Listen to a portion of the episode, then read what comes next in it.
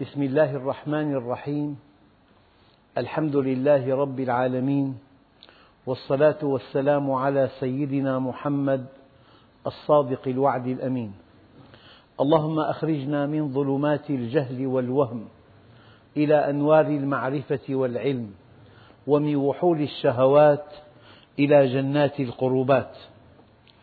أيها الإخوة الكرام مع الدرس الرابع والعشرين من دروس سورة الأنفال ومع الآية الخامسة والستين وهي قوله تعالى يا أيها النبي حرض المؤمنين على القتال. إن يكن منكم عشرون صابرون يغلبوا مئتين وإن يكن منكم مئة يغلبوا ألفا من الذين كفروا بأنهم قوم لا يفقهون. أيها الإخوة الكرام الله عز وجل لم يخاطب النبي باسمه إطلاقا كما خاطب بقية الأنبياء. يا يحيى يا عيسى يا إبراهيم. ولكنه خاطبه بمرتبته النبوية يا أيها النبي. وأحيانا يا أيها الرسول. فالأمر إذا كان متعلق بالدعوة يا أيها الرسول الرسالة منصب دعوي. وإذا كان الأمر متعلق بمعرفة الله عز وجل يا أيها النبي. هنا يا أيها النبي حرض المؤمنين على القتال. معنى حرض يعني حث حثهم على القتال. أو حرض يعني أثر حماستهم. أو أغرهم بالقتال. أي قتال هذا؟ أخواننا الكرام الإنسان عقل وقلب.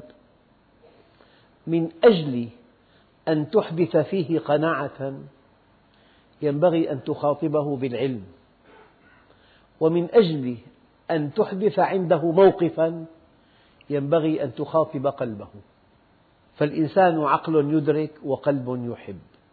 فالخطاب تارة يتجه إلى العقل وتارة يتجه إلى القلب وقد يتجه معا إلى العقل والقلب معا. يا أيها الإنسان ما غرك بربك الكريم؟ يخاطب القلب الذي خلقك فسواك فعدلك يخاطب العقل. فالله سبحانه وتعالى يأمر النبي عليه الصلاة والسلام أن يحرض المؤمنين على القتال. لماذا؟ لأن الله سبحانه وتعالى هو الذي خلق النفوس وهو الذي يعلم حقيقتها. فالإنسان من دون ردع ينحرف. الردع يعني الحق يحتاج إلى قوة. إلا أن الحق عند الآخر هو أن تكون قويا. أما عند المؤمنين الحق ما جاء به الوحي السماوي والحق الذي جاء به الوحي السماوي يحتاج إلى قوة. فرق كبير بين أن تعد الحق هو القوة ومنطق هذا العصر إذا كنت قويا فأنت على حق. الحق أن تكون قويا وأن تفرض ثقافتك على الآخر لأنك قوي. فحينما تعيش البشرية أن القوي أي قوي هو صاحب الحق وأن الضعيف هو المبطل عندئذ البشرية تسير في طريق الهاوية. يعني القوي يحتل البلاد ينهب الثروات يقتل الشباب قد يقتل مليون ويعيق مليون ويشرد خمس ملايين من أجل الحرية والديمقراطية وحقوق الإنسان. ما من عصر انتهكت فيه حقوق الإنسان كهذا العصر. تحت مسميات فارغة تحت طروحات باطلة. فالمسلم ما دام ضعيف يوم يذوب قلب المؤمن في جوفه. مما يرى ولا يستطيع أن يغير. إن سكت استباحوه وإن تكلم قتلوه. تمتلئ الأرض ظلما وجورا فيأتي أخي عيسى فيملأها قسطا وعدلا. فالباطل إن لم تقف أمامه إن لم تشعره أنك قوي تتسع دوائره ويضيق على الحق دوائره. وهذا ما يجري في العالم. مثل فتاة في أمريكا ارتدت ثياب السحاقيات. والسحاق شذوذ بين الإناث. محرم قطعا في الشرائع الإلهية وفي القوانين الأرضية. فتاة بمدينة نيويورك بمدرسة ثانوية ارتدت هذه الثياب. يبدو أن المدير على بقية مروءة ففصلها. أقام أبوها دعوة على المدير وربح الدعوة وكلفه بمبلغ كبير لأنه اعتدى على حرية الفتاة. واضح؟ هذا في نيويورك. في باريس فتاة وضعت على رأسها خرقة تنفيذا لدين يدين به ربع سكان الأرض. قامت الدنيا ولم تقعد. يعني ما في منطق أبدا. طائرة سقطت في لوكوربي. دفع دية كل راكب خمسمئة مليون بالليرة السورية كل راكب. مجموع الركاب مليارين وسبعمئة مليون دولار. مئات القتلى كل يوم يموتون عندنا. مئات يوميا. ولا شيء. فلذلك الحق إذا كان ضعيف التطاول والاحتلال ونهب الثروات وسحق المنجزات وتدمير كل شيء هذا الذي يجري في البلاد الإسلامية. خمس دول إسلامية محتلة. في دولة تملك أكبر احتياطي نفط في العالم 450 مليار برميل. وهالبلد أرخص بلد بالعالم بتكلفة استخراج البرميل 85 سنت. في بلاد أخرى 8.5 دولار كلفة استخراج البرميل. ثروات طائلة بلاد شاسعة مركز جغرافي مذهل فالحق ضعيف الأقوياء يحتلون ويسفكون الدماء وينهبون الثروات لأن الحق ضعيف. يجب أن يكون الحق قويا. لكن إن كنت قويا ليس معنى هذا أنك على حق. أما عندهم ما دمت قويا فأنا على حق. مايك ميت رايت ما دمت أنت قوي أنت على حق. لذلك يا أيها النبي حرض المؤمنين على القتال يعني استعد للمواجهة دولة أحيانا تكون نووية. قد تمضي خمسون عام قادمة ومئة عام قادمة ولا تحتاج أن تستخدم هذا السلاح. لكنها لأنها دولة نووية مرهوبة الجانب. هذا المعنى. لذلك قال تعالى وأعدوا لهم ما استطعتم من قوة ومن رباط الخيل. لماذا؟ ترهبون به عدو الله وعدوكم. الإرهاب هنا بالآية من أجل ألا يكون الإرهاب على المسلمين. أيها الإخوة هذا معنى قول الله عز وجل يا أيها النبي حرض المؤمنين على القتال. في بلد بأوروبا سويسرا كل مواطن هو عنصر في الجيش السويسري. كل مواطن. سلاحه عنده. وبأي إشارة يصبح الشعب كله مسلحا. مع أن سويسرا بلد مسالم ما دخلت الحرب العالمية الثانية.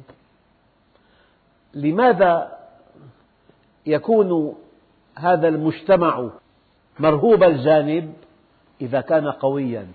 يعني كأن الآية تقول أيها المؤمنون كونوا أقوياء. لأن وحي السماء يحتاج إلى قوة. دعك من القوة العسكرية. أنت كطالب إذا تفوقت لك قيمة. في الجامعة وعند أهلك ومع من حولك. التفوق في الدراسة قوة. التفوق في التجارة قوة. في الصناعة قوة. التفوق مطلوب. أقول لكم هذا الرأي. وأنا واثق من صوابه. ما لم تكن متفوقا في دنياك لا يحترم دينك. ما لم تكن الآن متفوقا في دنياك لا يحترم دينك. يا أيها النبي حرض المؤمنين على القتال. يعني استعد وأعدوا لهم ما استطعتم من قوة. القوة مطلقة. الخيل في عهد النبي هي القوة. بعد حين المنجنيق هو القوة. المدرعات هي القوة. الآن الطائرات هي القوة. يعني قد تدمر الطائرات البنية التحتية لبلد ما تدمير كامل. فما لم يكن لك سلاح جو قوي لن تستطيع أن تحمي منشآتك. كأن الله عز وجل ما أراد المؤمنين أن يكونوا ضعاف. أرادهم أن يكونوا أقوياء. يا أيها النبي حرض المؤمنين على القتال.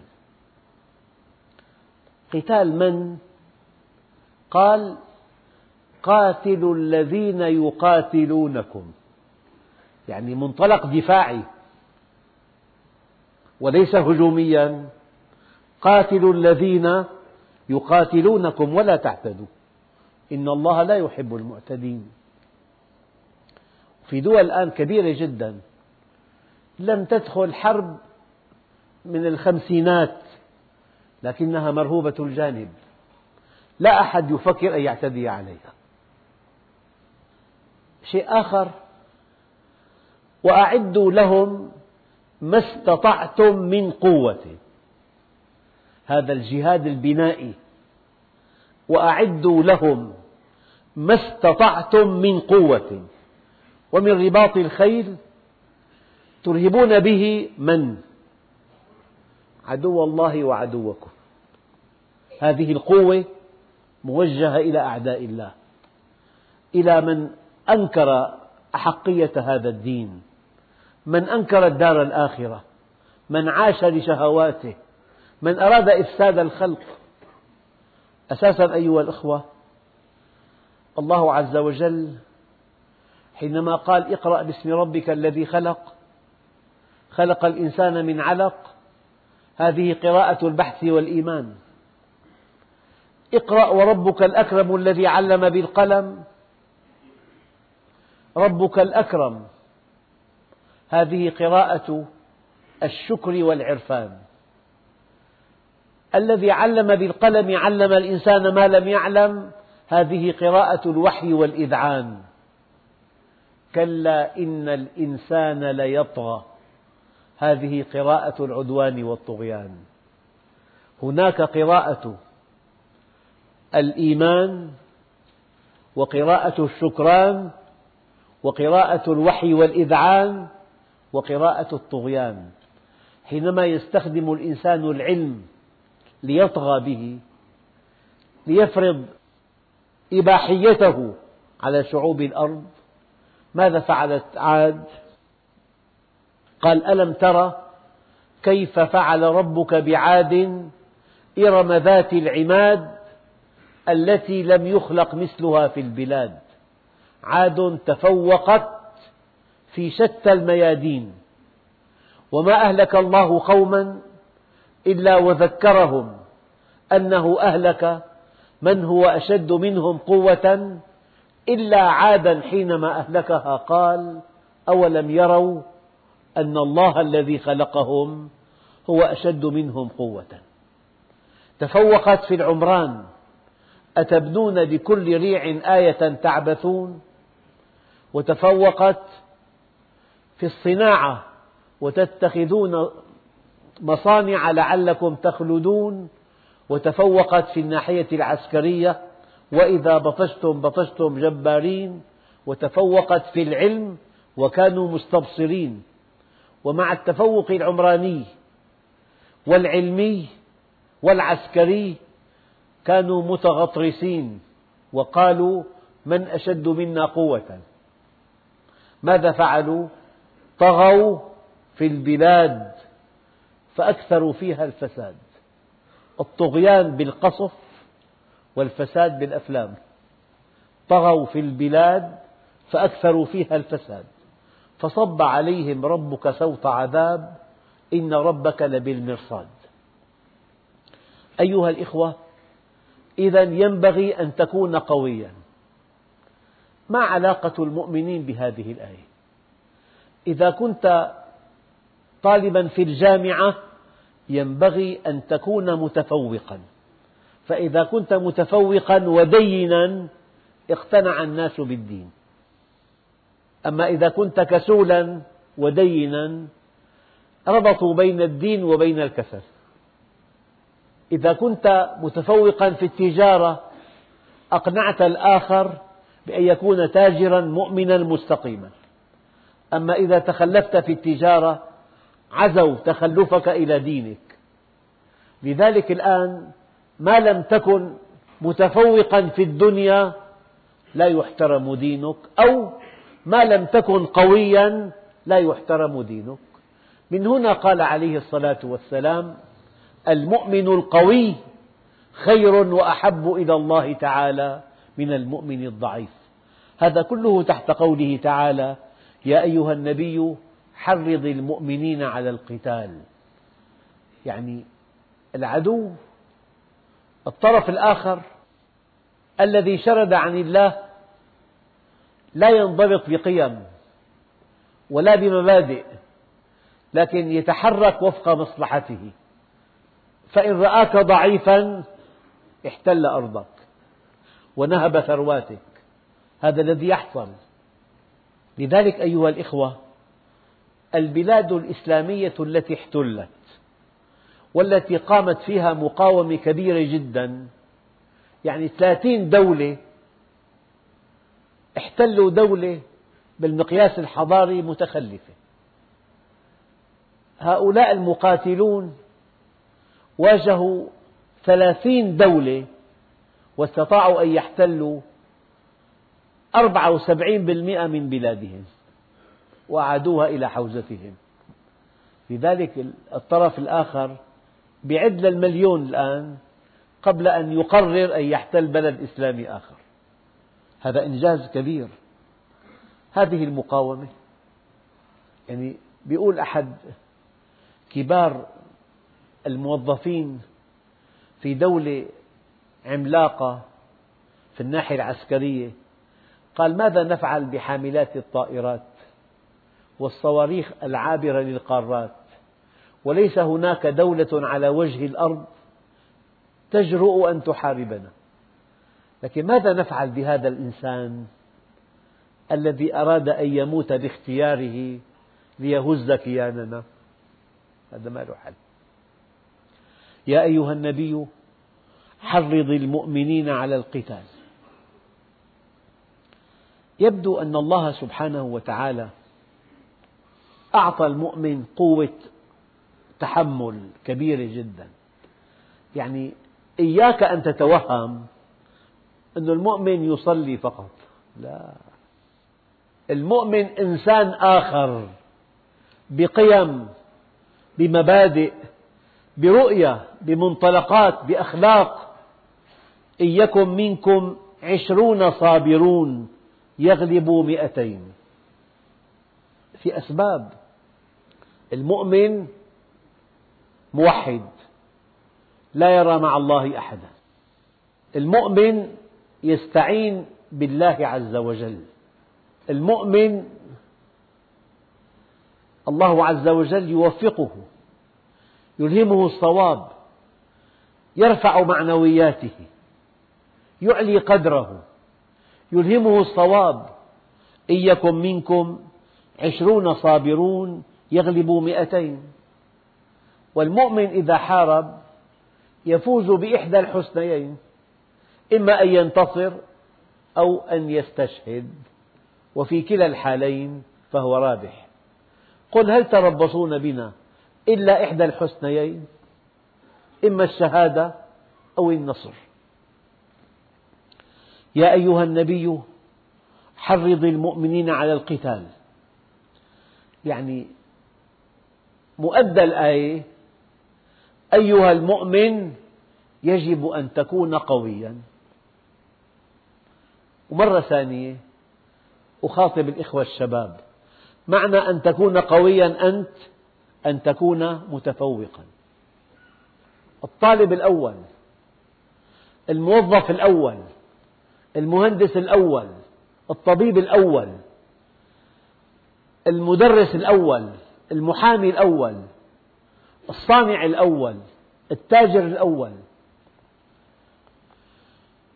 يعني أقول لكم دائما لم ترضى أيها الأخ الكريم أن تكون رقم بسيط من دهماء الناس من عامتهم من سوقتهم؟ يعني مرة سألت طلابي من يذكر اسم تاجر كبير عاش في دمشق عام ألف وستمائة وثلاثة وثمانين؟ وله علامة تامة. الطلاب فكروا فكروا فكروا. ما أحد أجاب. قلت لهم وأنا لا أعلم. لكن من منا ينسى صلاح الدين الأيوبي. من منا ينسى عمر بن الخطاب؟ هؤلاء القادة العظام الذين فتحوا البلاد العلماء الكبار لما ترضى أن تكون رقما بسيطا؟ لما لا تكون رقما صعبا؟ يعني أقول لكم هذه الكلمة. لك قناعة معينة. إذا غيرت مقابل مبلغ من المال انتهيت عند الله. في إنسان بغير قناعته بمئة ليرة في إنسان بألف في إنسان بمئة ألف في إنسان بمليون. لو غيرت قناعتك بمئة مليار انتهيت عند الله. معنى أنت إنسان لك رقم تشترى به. وانتهيت أما المؤمن رقم صعب والله يا عم لو وضعوا الشمس في يميني والقمر في شمالي على أن أترك هذا الأمر ما تركته حتى يظهره الله أو أهلك دونه واضح؟ أيها الإخوة لأن المسلمين يعانون ما يعانون من ضعفهم من تفرقهم من شتاتهم من خصوماتهم. بأسهم بينهم شديد وسلمهم لأعدائهم. يشترون كل شيء. ويل لأمة تأكل ما لا تزرع. ويل لأمة تلبس ما لا تنسج. ويل لأمة تستخدم آلة لا تصنعها. بل ويل لأمة تشتري السلاح. كنت مرة في مصر فقال أحد العلماء في الخطبة كنا في مؤتمر قال إذا أردت أن يكون قرارك من رأسك فلا تأكل إلا من فأسك. إذا أردت أن يكون قرارك من رأسك فلا تأكل إلا من فأسك. إذا في اكتفاء ذاتي الثروات صنعناها الأراضي استصلحناها اكتفينا من الناحية الغذائية آلاتنا من صنعنا عندئذ لنا قرار. أنت حر بقدر ما أنت قوي وأنت قوي بقدر ما أنت حر. العلاقة بين الحرية والقوة علاقة متداخلة. أنت قوي إذا كنت حرا وأنت حر إذا كنت قويا. أقول لكم هذا الكلام من معاناة. المسلمون يعانون ما يعانون لأنهم ضعاف ولأن بأسهم بينهم ولأن سلمهم لأعدائهم. ولأنهم متفرقون ولأنهم يتنازعون ولا تنازعوا فتفشلوا وتذهب ريحكم. يا أيها النبي حرض المؤمنين على القتال. إن يكن منكم عشرون صابرون يغلبوا مئتين وإن يكن منكم مئة يغلبوا ألفا من الذين كفروا بأنهم قوم لا يفقهون. أخواننا الكرام صدقوا ولا أبالغ.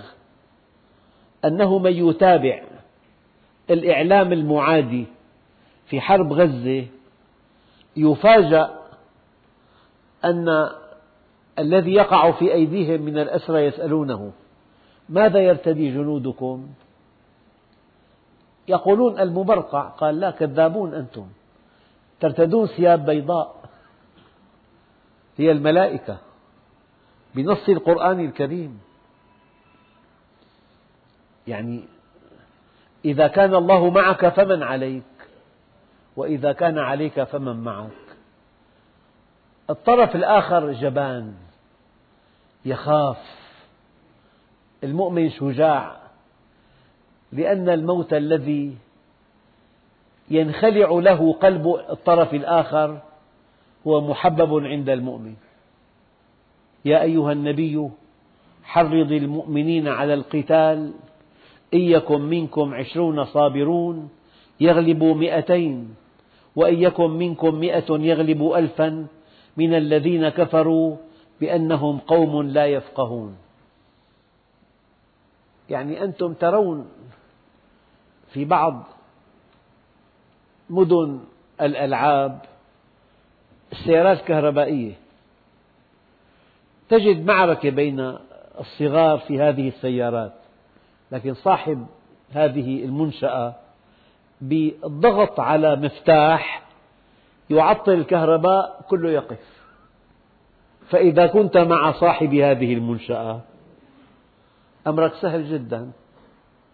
يعني المؤمن مع خالق السماوات والأرض الله عز وجل يؤيده ينصره يلقي في قلبه الثبات يلقي في قلب عدوه الخوف فقذف في قلوبهم الرعب بما أشركوا. يعني في قصص مؤداها أنه يستحيل أن ينتصر على المسلمين في الحرب إذا كانوا مؤمنين طبعا. لذلك في ملك فرنسي وقع أسير في المنصورة في عام 1250 قال هذه الكلمات وهي محفوظة في المتحف في باريس. قال لا يمكن أن ننتصر على المسلمين في الحرب ولكن ذكر الفرقة والفساد والرشوة والنساء والنزاعات الداخلية بهذا ينتصرون علينا. أما في الحرب المؤمن قوي. والدليل يعني العدو خلال حربين عام 2006 و8 يعني حرب جنوب لبنان وحرب غزة انتقلت أهدافه من الأمن إلى البقاء. كان الحديث عن الأمن فقط الآن الحديث في الصحف صحف العدو عن البقاء.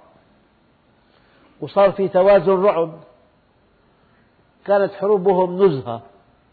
أما نحن نضطرب ندخل ملاجئ. الآن يقصفون ويغصفون. نخاف ويخافون. ننطلق إلى الملاجئ وينطلقون. هذا اسمه توازن رعب. لم يكن من قبل. والحسم انتهى. هم يبدأون الحرب وهم ينهونها. الآن لا. يبدأون. أما النهاية ليست بيدهم. إلا بتدخل أجنبي. لصالحهم طبعا. أيها الإخوة المقاومة فكر. وليست أشخاص. أخواننا الكرام في قضية لغوية دقيقة جدا. في عنا أفعال إذا شددنا وسطها. يعني وضعنا شدة على الحرف الوسطي بها. أو أضفنا لها همزة ينعكس معناها. مثلا قشر التفاحة يعني أزال قشرها. القشر ملازم الفاكهة. قشرتها أي أزلت قشرها. مرض جلب المرض أم أزال المرض؟ أزال المرض. بالشدة مرض يعني أصابه المرض. مرض شفاه من مرضه. طيب نص من دون تشكيل أو من دون تنقيط. هذا نص معجم مبهم يعني. أعجمه يعني أزال عجمته. السن باء السن الثاني نون. هذه تاء مربوطة. لما نقطناه كان مبهما أعجما فبالتنقيط أزلنا عجمته. إذا في عنا أفعال حينما نضعف وسطها أو نضيف عليها همزة ينعكس معناها. صار المعنى مناقضا لأصل اشتقاقها. أوضح مثل قشر يعني أزال القشرة. مرض أزال المرض. أعجم. أزال العجمة. أقسط. وأما القاسطون فكانوا لجهنم حطب الظالمون. أقسط عدل يعني أزال الظلم. الآن قالوا تالله تفتأ تذكر يوسف حتى تكون حرضا أي حتى تهلك نفسك. حرضا يعني هالكا. طيب حرض حرضا هالكا. حرض أبعد الهلاك. يعني إذا كنتم أيها المؤمنون ضعافا فأنتم هالكون كما حالنا اليوم. إذا كنتم ضعافا أنتم هالكون. متى يزول هلاككم إذا كنتم أقوياء. يا أيها النبي حرض المؤمنين على القتال. واضح؟ أفعال كثيرة. قشر أزال القشرة. مرض أزال المرض. أقسط أزال الظلم. تالله تفتأ تذكر يوسف. حتى تكون حرضا أي هالكا. فحرض أزال شبح الهلاك. يعني أيها المسلمون أيها المؤمنون إن لم تكونوا أقوياء فأنتم هالكون. لأن العدو لا يرحمكم. تسعون بالمئة من ثروات الأرض بيد عشرة بالمئة من أهلها. فالمسلم يجب أن يكون قويا. والدليل المؤمن القوي خير وأحب إلى الله تعالى من المؤمن الضعيف. بل إنني أقول لكم إذا كان طريق القوة سالكا وفق منهج الله ينبغي أن تكون قويا. ينبغي بل يجب لأن فرص العمل الصالح المتاحة أمام القوي لا تعد ولا تحصى. والقوة أنواع ثلاثة. قوة المنصب. فأنت بجرة قلم تحق حقا وتبطل باطلا. توقيع. وقوة العلم. فأنت بالعلم تبدد الظلام تبدد الجهل تبعد الخرافات الترهات الأباطيل الضلالات. وقوة المال أنت بالمال تبعد شبح الفقر. وكاد الفقر أن يكون كفرا. وكاد الفقر أن يكون إرهابا. وكاد الفقر أن يكون جريمة. وكان الفقر أن يكون لا مبالاة. فلذلك بالمال الحلال تبعد شبح الفقر والفقر والتخلف والفقر والجريمة أخوان متلازمان. فلذلك أيها الإخوة حينما قال الله عز وجل يا أيها النبي حرض المؤمنين على القتال إن يكن منكم عشرون صابرون يغلبوا مئتين وإن يكن منكم مئة يغلبوا ألفا من الذين كفروا بأنهم قوم لا يفقهون الآن خفف الله عنكم وعلم أن فيكم ضعفا. يعني في عهد الصحابة العشرة تغلب مئة العشرون يغلب مئتين. الآن خفف الله عنكم وعلم أن فيكم ضعفا. فإن يكن منكم مئة صابرة يغلبوا مئتين. وإن يكن منكم ألف يغلب ألفين بإذن الله والله مع الصابرين. يعني ملخص هذا الدرس ينبغي أن تكون قويا. لكن أن تكون قويا لا على حساب مبادئك ولا على حساب قيمك. أن تكون قويا إذا كان طريق القوة سالكا وفق منهج الله. لكن من يمنعك أن تكون قويا في علمك؟ هل يمنعك أحد؟ لا. من يمنعك أن تكون قويا في بيتك؟ بيت مسلم مؤمن. من يمنعك أن تكون قويا في عملك؟ لا أحد. فكأن علاقتنا بهذه الآية علاقة مفهوم القوة بأوسع معانيه. يجب أن تكون قويا. أنا أذكر أنه في أحد الإخوة الكرام كان طالبا يحضر هذه الدروس وكان أبوه يعارضه معارضة كبيرة جدا. فلما نجح بتفوق في الشهادة الإعدادية قال لأخيه خذ أخاك معك إلى المسجد. اختلف الوضع. لما رآه متفوق خذ أخاك معك إلى المسجد. فأنا أقول لك أيها الأخوة أقول لكم أيها الإخوة ما دمت منتميا إلى مسجد ينبغي أن تكون قويا بدراستك بتجارتك باختصاصك. طبيب مسلم لك مسجد ينبغي أن تكون الطبيب الأول لأنك عندئذ تقنع الناس بالدين. أنت لا يمكن أن تقنع بالدين إذا رأيت المتدين ضعيفا خنوعا متكلا غير متقن بعمله لا تقنع بالدين.